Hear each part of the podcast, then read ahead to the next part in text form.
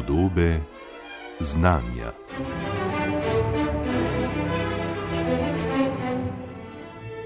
Nedavno poročilo medvladnega odbora za podnebne spremembe opozarja, da morajo izpusti toplogrednih plinov v največ 30 mesecih začeti upadati, če naj segrevanje planeta omejimo na stopinjo in pol Celzija glede na predindustrijsko dobo. Pri dvigu 1,2 stopinje, ki smo mu priča danes, lahko že redno in povsod po svetu spremljamo učinke toplejšega planeta. Naj gre za hitro izginjanje ledenih pokrovov, dolgotrajnejše suše, širjenje puščav ali intenzivnejša deževja in vse pogostejše poplave. Znaki, da se pogoji za življenje hitro spreminjajo, so postali boleče nazorni, z nadaljnim naraščanjem temperature pa se bodo ekstremi še krepili. A podnebni sistem je izjemno kompleksen in če so učinki dvigovanja globalne temperature na vremenske ekstreme nažalost že povsem na dlani, je spremembe v nekaterih podnebnih vzorcih precej težje spremljati in napovedovati. A vendar se zdi, da bodo denimo toplejši oceani in krčenje polarnih kap vsekakor vplivali tudi na širšo podnebno dinamiko. Kako močan utegne biti ta vpliv, bomo preverili v tokratnih podobah znanja, ko je naša gostja, meteorologinja dr. Lina Bolka, raziskovalka na Geofizikalnem inštitutu Univerze v Bergnu na Norveškem. Dr. Lina Bolka, lepo pozdravljeni. Ja, lepo pozdrav tudi z moje strani. Če za vreme, tako rekoč, odnegdaj vemo, da je muhasto in torej spremenljivo, pa je podnebje nekoliko bolj stabilno. Do katere mere aktualno segrevanje planeta, toplejši oceani, izginjanje ledenih kap in podobni dogodki spreminjajo trende v kroženju zračnih in oceanskih mas po planetu in v kolikšni meri je pravzaprav te spremembe in njihov obseg trenutno mogoče določiti? Ja, medtem ko imamo določene termodinamske signale, a, ki jih dobro razumemo, od tukaj govorim predvsem o učinku tople grede, torej o toplogrednih plinih, ki vodijo v višanje temperature. Gre za določene druge pojave, um, pri, pri določenih drugih pojavih za malo bolj zapletene procese. In tudi v bistvu določene povratne zanke so razmeroma jasne. Ne? Ko se grevamo planet, se segreva ocean, kar vodi recimo v taljenje ledu na Arktiki. To potem izpostavi več morja, ki je bolj temno in upija več sončne svetlobe, kar potem še naprej segreva ocean, kar potem naprej še bolj tali led in se zgodba tako naprej nadaljuje spet druge povratne zanke so malo, malo, malo manj jasne in teže za razložiti, ampak v principu obstajajo tudi drugi a, procesi, ki jih a, mogoče naši modeli a, malo teže opišajo. To so recimo oblaki, ki se dogajajo na zelo majhni skali, oblaki so v bistvu zelo majhni. In da bi lahko mi te oblake pravilno predstavljali v naših modelih, bi rabili precej boljše računalnike, ki jih trenutno še nimamo po drugi strani pa je tu tudi dinamika oziroma kroženje zračnih mas. Tu gre za zelo nelinearne procese lahko. Po drugi strani pa mogoče, kar je še bolj pomembno, je to, da na to kroženje zračnih mas vpliva več različnih dejavnikov, ki so si lahko nasprotni v bistvu. Zdaj, če dam en primer, ne, Arktika se segreva hitreje od globalnega povprečja. In Arktika je na polu, in če se Arktika v bistvu se segreva pri tleh, ne v višinah. Torej, se Arktika, Arktika se pri tleh segreva, medtem ko a, ob ekvatorju se ne a, pri tleh. In to potem a, manjša temperaturno razliko med polom in ekvatorjem. In to v principu pomeni, da bi se recimo zahodniki v zmernih širinah a, ošibili, da bi pač bili šipkejši. Po drugi strani se pa segrevajo tropi v višjih slojih atmosfere, medtem ko se na, na poljih ne dogaja prav veliko. Kar pomeni, da se v višjih slojih atmosfere ta temperaturna razlika v bistvu veča. Ne? In to pomeni potem, da zahodniki postajajo močnejši. Torej, po eni strani bi lahko bili šipkejši, po drugi strani pa močnejši. In potem pride tukaj do tiste, tistega tekmovanja in pridemo do te a, situacije, ko se mogoče vprašamo, a, se, a bojo zahodniki mogoče šipkejši ali močnejši. Trenutno se a, bolj nagibamo k temu, da bodo močnejši, da se bodo prestavili bolj na sever sploh po zimi, in to bi načeloma pomenilo, da bodo šli tudi cikloni, raje bolj po severni strani, recimo Evrope, s tem pa tudi padavine, recimo po zimi, predvsem po zimi. Je pa seveda vplival, sigurno več. In v bistvu, kljub temu, da imamo ta tekmovanja med različnimi procesi, še vedno lahko nekaj rečemo tudi o teh uh, nekih bolj dinamičnih procesih jih pa lahko mogoče celo malo podcenjujemo, ker določene stvari mogoče še ne znamo dovolj dobro opisati. Ne. Ampak še zmeri, jaz mislim, da, da znamo dovolj reči o podnebnih spremembah. Če se zdaj mogoče še malo bolj posvetiva torej, uh, segrevanju na poljih, omenili ste, doktorica Lina Bolka, segrevanje na Arktiki, podobno je tudi na uh, Južnem polu. Gre za dva dela Zemlje, ki nekako delujeta ali pa vsaj sta zelo dolgo delovala kot nekakšna hladilnika. Zdaj, prav letos, februarja, smo bili, da nimo priča pojavu, ko se je temperatura sočasno na obeh poljih dvignila uh, za skoraj 40 stopinj nad dolgoletno povprečje. Po izginjanju arktičnega ledu ne, je zdaj pravzaprav vse hitrejše tudi taljenje ladenikov na Antarktiki. Nekaj ste že omenjali vpliv na seveda um, oceane, večanje oceanov, na hitrejše nadaljno segrevanje, ampak um, kako daljnosežne so pravzaprav te spremembe na poljih za torej širše podnebno dogajanje? Ja, to je v bistvu še zmeraj kar velika polemika, tudi mislim, velik del debate v znanstvenih krogih. Tako da veliko več, kot sem že povedala, težko rečem tukaj. Um, pri teh pojavih, ki smo jim bili priča pred kratkim, je šlo bolj za tisto vremensko dogajanje, dokaj nenavadno vremensko dogajanje ki pa ga verjetno podnebne spremembe delajo hujše, ne? ker šlo je za nek dotok toplega in vlažnega zraka iznad toplih oceanov, in če so oceani toplejši, je ta topel in vlažen zrak močnejši, in potem lahko pride do takšnih odstopanj, kot smo jim bile priča pred kratkim. Kakšen pa bi bil učinek Arktike brez ledu, da nimo? Ja, se to je to. Pač Arktika bi potem bila predvsem toplejša, in bi to lahko vplivalo na, um, na poti ciklonov in podobno. Je pa seveda tudi, če na Arktiki ni ledu in tu mislim, da predvsem govorimo o nekih poletnih oziroma jesenskih skoraj da um, jesenski količini uh, ledu, ker pozim mislim, da bo še zmeri let prisoten. Gre pa tukaj lahko tudi za to, da se potem ladje lahko čez Arktiko vozijo in podobno.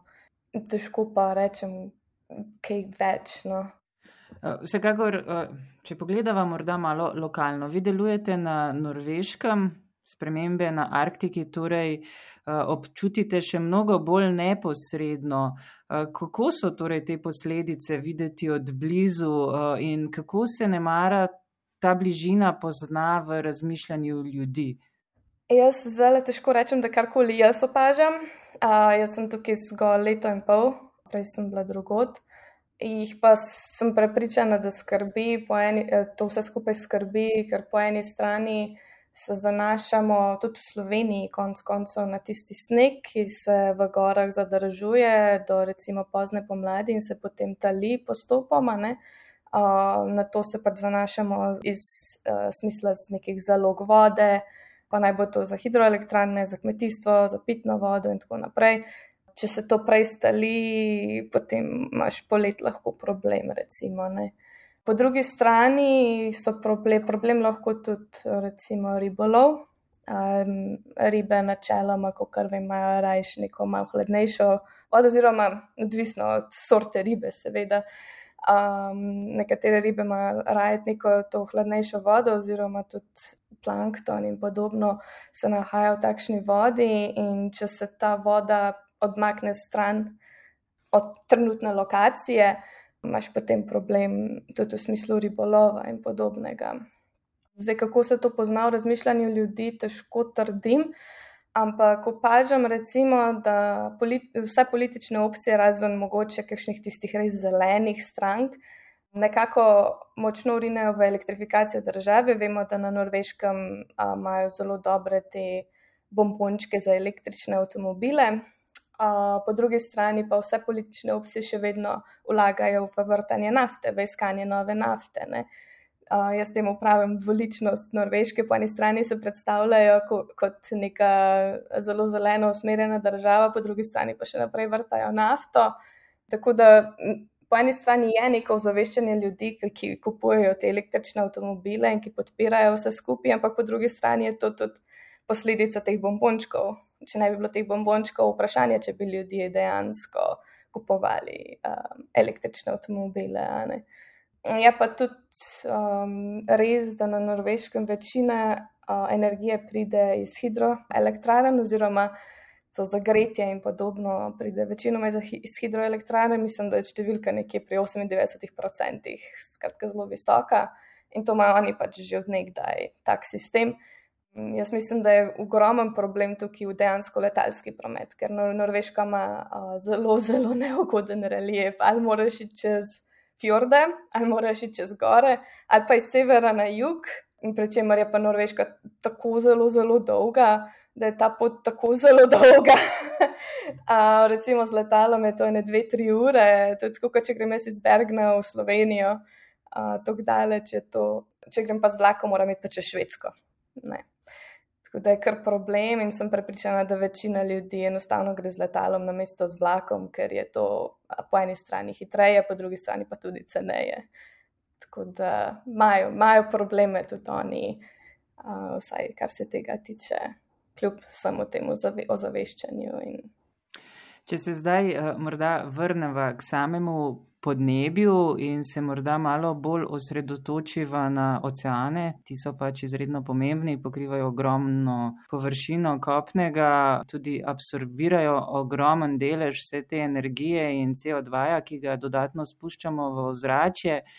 Zdaj, um, Tudi oceani imajo pravzaprav svoj zelo pomemben delež in verjetno še številne ne povsem znane uh, Eh, skrivnosti, kako pravzaprav ta interakcija z zračnimi vodnimi masami poteka. Poznamo tako imenovane oscilacije, mogoče pravzaprav pri nas je celo bolj znana tista v Tihem oceanu prek pojavov, kot sta El Niño in La Niña, ki vplivata tudi na pač vreme, podnebje marsikje po svetu, tudi pogosta krivca eh, pri izginjanju velikega koralnega grebena, da nimo, ampak tudi v Atlantiku no, so, se dogajajo to vrstna um, dogajanja, če skrajšam, uh, ki trajajo predvsem skozi več desetletij. Um, lahko malo osvetlite to dogajanje in kaj morda so najbolj tiste ključne točke pri tem dogajanju, ki se danes uh, raziskujejo, ki so morda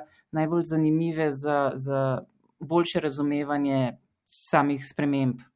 Ja, v Atlantiku imamo recimo temu se reče Atlantska multidekadna oscilacija. Gre za spremembe v, v temperaturi površine uh, Severnega Atlantika, ki se nekako dogajajo na časovni skali od 50 do 70 let. Torej, nekih vsakih 30 let, recimo, je bolj topel ta ocean, pa potem 30 let hladnejši, torej Severni Atlantik. Razlogi za to? Ja, to je še zmeraj nekaj, v kar gre trenutno veliko raziskav. Um, deloma pravijo, da je to povezano z, z cirkulacijo v, v oceanu samem, torej temu se reče Atlantska meridionalna cirkulacija, ki gre nekako od praktično od Južnega oceana na Južni polobli, pa vse do Arktike in potem nazaj. Da, ker so pač procesi v oceanu zelo počasni, naj bi ta oscilacija potem bila povezana s to cirkulacijo, po drugi strani neke novejše raziskave tudi pravijo, da, so, da je to zelo povezano z raznimi aerosoli, torej antropogeni vplivi um, v smislu, mi izpuščamo v zrak um, ja, oglikov dioksid, ampak tudi ogromno prašnih delcev, takšnih ali drugačnih. Uh, temu mi načeloma rečemo aerosoli, ampak tudi ti potem vplivajo na podnebje, ker lahko hladijo uh, lokalno. Um, tudi uh, vulkanski izbruhi lahko vplivajo na vse skupaj. Tako da zdaj varata zelo zapletena, zelo hitro. Um, dejstvo pa je, da neke, te, neke ta temperaturna nihanja v Atlantskem oceanu dejansko opažamo, dogajajo se na tej časovni skali in potem nas v bistvu zanima, kako to vpliva recimo na podnebje Evrope na nekih vsakih 30 ali pa ja, vsakih 30 let, pa 60 let, kako karkoli. Eh, Mimo grede, zasledili smo lahko tudi informacijo, da se zalivski tok eh, upočasnjuje. Temu se običajno pripisuje precejšen del zaslug za milejše podnebje v Evropi, glede na Severno Ameriko, na nekako primerljivi zemljepisni širini. Eh, kaj se pravzaprav dogaja z zalivskim tokom, ki torej toplo vodo iz Mehiškega zaliva nosi proti obalam Zahodne Evrope? Po eni strani je res, ne, da je zalivski tok zelo pomemben za nas, da je recimo Bergen, sploh, sploh ta mesta, tak, prav takšna kot je Bergen, ima zelo milejšo zimo, imajo zelo mile, milejšo podnebje, ne, ne samo zimo. Uh, milejše podnebje na splošno, poletje niso tako vroča, zime so milejše, recimo zima tukaj je verjetno toplejša od zime v Sloveniji, kljub temu, da smo precej bolj severno. Uh, Ampak, ko govorimo o upočasnevanju zalivskega toka, jaz nisem prepričana, da je to čist res.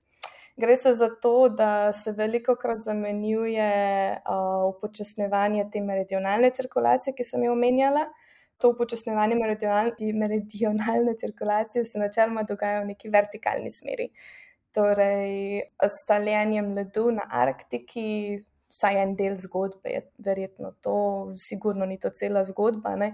ampak pač, ko se tali let na Arktiki, s tem dobimo veliko neke te sladkejše vode, ki ni tako slana. Slana voda se predvsej lažje pride do globin in je potem ta tok lahko močnejši, če pa voda bolj sladka, je pa ta tok a, v principu um, šipkejši a, v vertikalni smeri torej gosta voda, gre lažje, la se lažje potunka, po domače rečeno.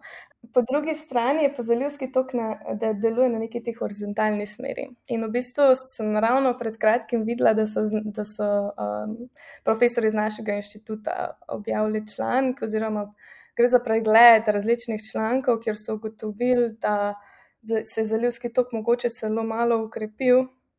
In so v bistvu uh, rekli, da je treba začeti razlikovati med tema dvema pojmoma, da to ni eno in isto. Zdaj jaz ne mislim nič trditi, jaz nisem oceanograf, nikakor. Uh, to bo treba nek nekoga drugega vprašati, mogoče je to dobra tema, naslednja tema za kakšno tako debato, ampak um, dejansko ne vem, a se zalivski tok dejansko upočasnjuje. In tudi ne vem, bo zdaj v prihodnosti vedno šipkejši ali ne, ampak če bo recimo ošibil, oziroma če se bo prekinil, bo to seveda slabo za Evropo, ker se bo spremenilo naše podnebje, predvsej bolj bo hladno, v principu, to spremenili se bodo drugi zračni tokovi in v bistvu zelo težko rečem, kaj točno se bo zgodilo, če se ta tok prekine. Preveč sprememb bi bilo verjetno. Eh, zdi se, da je prav ta, to vprašanje, kako pravzaprav si ustvariti neko jasno sliko, ko je na delu toliko dejavnikov, ki med sebojno vplivajo, tisti, ki nam pač veliko krat eh, zamegljuje to sliko, ne? obenem pa nas močno, močno zanima, kaj pravzaprav nas čaka. Zdaj, glede vremenskih ekstremov, smo nažalost lahko že kar prepričani, da bodo preprosto pogostejši in sabo prinesli cel kup slabih posledic. Kaj pa dejansko glede, pač ne govorimo o podnebnih spremembah, spremembah torej na, na ne omenjali ste, ne mara močnejše zahodne vetrove, morda pa tudi ne. Kako trenutno, recimo, stroka je lahko gotova v, v modele pri tem, ko govorimo o spremembah podnebne dinamike? Koliko natančno se da kaj napovedati, v katerih smerih se da uh, najbolj z gotovostjo stvari določiti, kje pa smo uh, v raziskovanju? Ja, načeloma obstaja več različnih stvari. Um, Zdaj, kaj se da dobro napovedati, kot jaz vem, no, je, da se bodo zahodniki premaknili bolj proti polu, na obeh poloblah, in to potem sabo odnese tudi padavine. To, to se da dokaj dobro pač napovedati. Točna količina je malo večji problem, tudi točna lokacija, ne koliko točno bolj severno, je mogoče spet malo večji problem. Mi načeloma, recimo, v kakšnih teh IPCC poročilih se veliko krat opaža um, besede kot je uh, likely ali pa very likely, torej zelo verjetno, verjetno, manj verjetno, neverjetno. Tako da mi podajamo neke te, neke te ocene vedno za različne pojave, zdaj za Evropo smo predvsej prepričani v to, da se bo po zimi Mediteran sušil, Severna Evropa bo bolj mokra, je pa tudi res, da bo verjetno več tega dežja padlo v ekstremih in da bo med temi ekstremi, da bo tudi daljše obdobje suše. In tudi to lahko dokaj z gotovostjo trdimo, da se bodo te ekstremi povečali, ker tudi to pride iz nekih termodinamskih argumentov. Kaj pa so pravzaprav vzroki za to, da se zdi, da pogosto enako vreme ustraja lahko dlje časa, recimo tudi v obliki suše?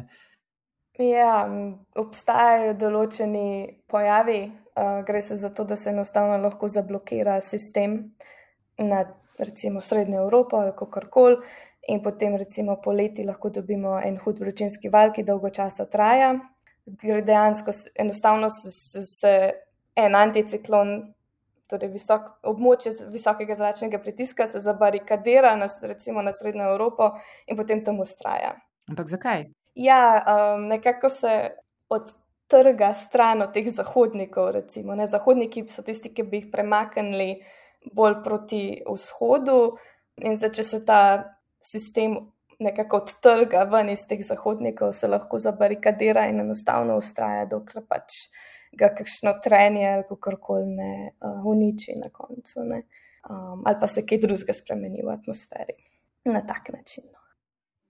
Eh, če se morda še malo eh, posvetiva konkretnemu dogajanju, Eh, Kaj ti spet, eh, ne, vreme je eno, podnebje je nekaj malo drugačnega, ne, napovedi za Slovenijo, recimo v torej, aktualnih pogojih podnebnih sprememb.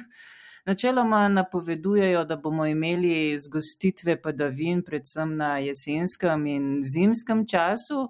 Letos, po drugi strani, smo imeli tu v Sloveniji precej sušno zimo. Katero dogajanje je torej tokrat odgovorno za to um, zimsko sušo? Ja, to je res. Tem smo že govorili, da, da bojo zime bolj mokre v principu. Zdaj letos mislim, da, je, da bi lahko govorila nekako o dveh pojavih. Eno je seveda ta El Niño La Niña, ki ste ga že tudi omenjala. Um, gre enostavno za nihanje med toplejšo temperaturo tropskega Pacifika in hladnejšo temperaturo tropskega Pacifika. Letos je bil, je bil bolj hladen od povprečja, kar načeloma za Evropo pomeni, da je Severna Evropa potem bolj namočena.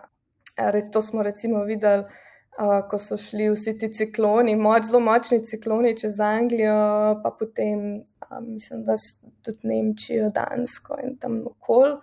Kar ene parih je bilo letos takih močnejših, medtem ko za Južno Evropo to načeloma pomeni bolj suho zimo. To je eno, drugo je pa morda tudi to, da v stratosferi ni, da v stratosferi ni bilo nekega burnega dogajanja to zimo. Um, kar pomeni, da, da je tudi stratosfera nekako bolj proti severu vlekla boje zahodnike, pa tudi ciklone. Tako da je mogoče tudi vse skupaj potem prineslo do tega, da je bila naša, naša zima malo bolj suha, ampak za neke točno, um, točne razloge, bo treba v vsakem primeru počakati na dejanske študije, ki bodo prišle. Jaz lahko zdaj samo ugibam, glede na to, kaj se je dejansko dogajalo, kaj vemo iz preteklih študij, kaj pa se dejansko zgodilo, pa kol, do kakšne mere mi lahko to v bistvu pripišemo tudi podnebnim spremembam, bo pa spet drugo, ne, ja, ko bodo študije potem dejansko vam prišle.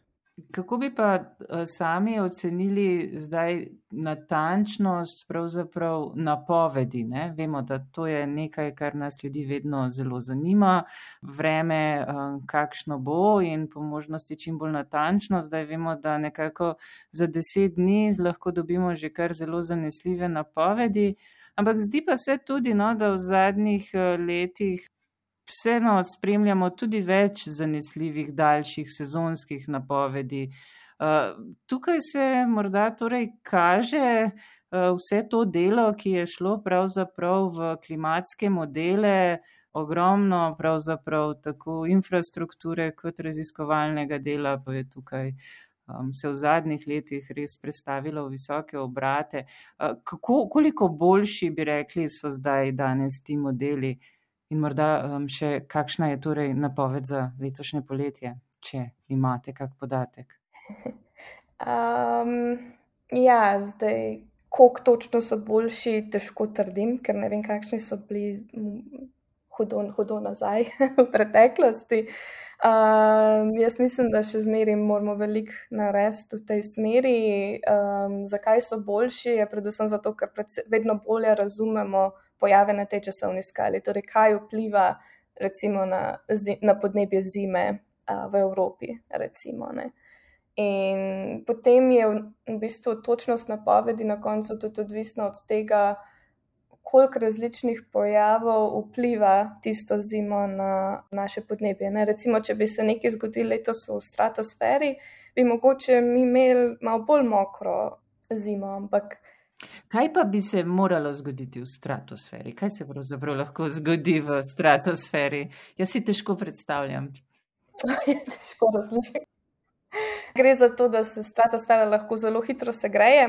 Uh, in potem, uh, pa če v stratosferi normalno pihajo zahodniki. In če se stratosfera na polu na hitro segreje, se zahodniki oslabijo, uh, kar najkrat ratajo v bistvu lahko konc koncev skoraj da vzhodniki in to potem nekako zavira tudi zahodnike v troposferi, in potem se spremenijo tokovi v troposferi.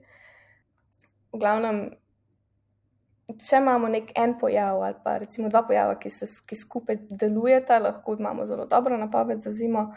Ko pa um, imamo, recimo, kakšne pojave, ki so si nasprotni, pa zelo težko, ali pa če teh pojavov ni tisto zimo, pa zelo težko damo neko dobro oceno za tisto zimo specifično. Za kar se pa tiče poletja, jaz ne vem zdaj, kakšna bo pomlad.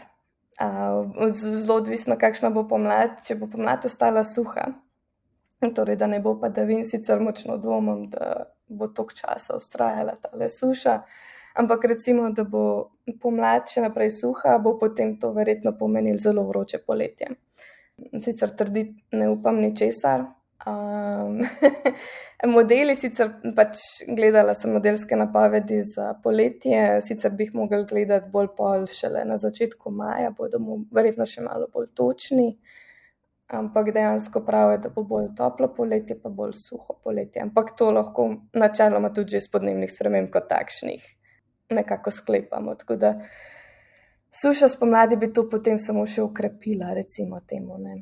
Če pa bo bolj mokra pomlad, pa mogoče ne bo toliko vroče. Jaz upam, no, da ne bo. A, morda ob koncu samo še to vprašanje. Katero raziskovalno vprašanje se vam, Lina Bolka, trenutno zdi najbolj zanimivo, pereče, bi ga najraje razrešili? Mislim, teh vprašanj je tako ali pa drugače preveč. Glede na to, da so podnebne spremembe trenutno problem, ki se ga moramo nekako, ga moramo nekako rešiti bo si, bi sigurno bila neka tema v tej smeri.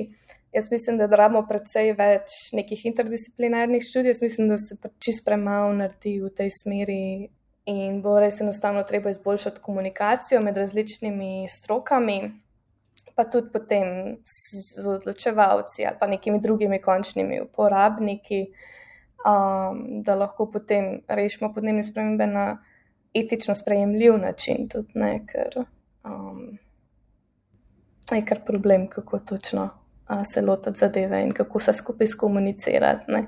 Jaz lahko rečem, zaprimo pipco za zemljski plin ali pa za nafto, tako karkoli. Politik se, se z mano ne bo strinjal, da lahko kar zapremo pipco. tako da tukaj je res treba tista dvosmerna komunikacija strokovnjakov različnih smeri. Ne. Da bomo nekako kos temu vprašanju, problemu, ki vsekakor ne bo šlo stran. Ja. Hvala lepa za tale pogovor in še veliko raziskovalnih uspehov, dr. Lina Bolka. Hvala tudi vam.